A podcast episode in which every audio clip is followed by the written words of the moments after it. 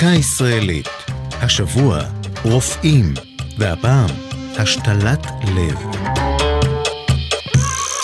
ב-1968, כשנה אחר השתלת הלב הראשונה בעולם, השתילו רופאים בבית החולים בלינסון בפתח תקווה לב בחזהו של יצחק סולם, בן 41 ואב לארבעה מיפו.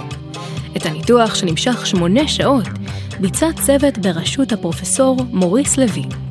למרות הצלחת ההשתלה, נפטר סולם כעבור כשבועיים. הרופאים הסבירו שמותו נגרם בשל כשלים גופניים שאובחנו טרם הניתוח.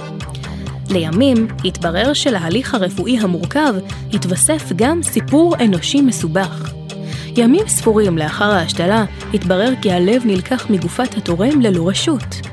בני משפחתו של הנפטר, שהובהל לבית החולים לאחר אירוע מוחי, תבעו מהנהלת בית החולים להעמיד לדין פלילי את האחראים ללקיחת הלב.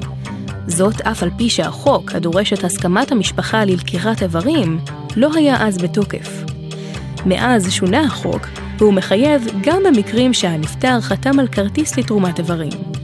בעקבות הביקורת הציבורית, הופסקו השתלות הלב בארץ, והן חודשו בהצלחה רק בסוף שנות ה-80.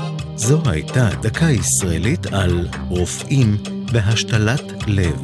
כתבה מיקה נחטיילר, ייעוץ הפרופסור דן ערבות, הגישה עדן לוי.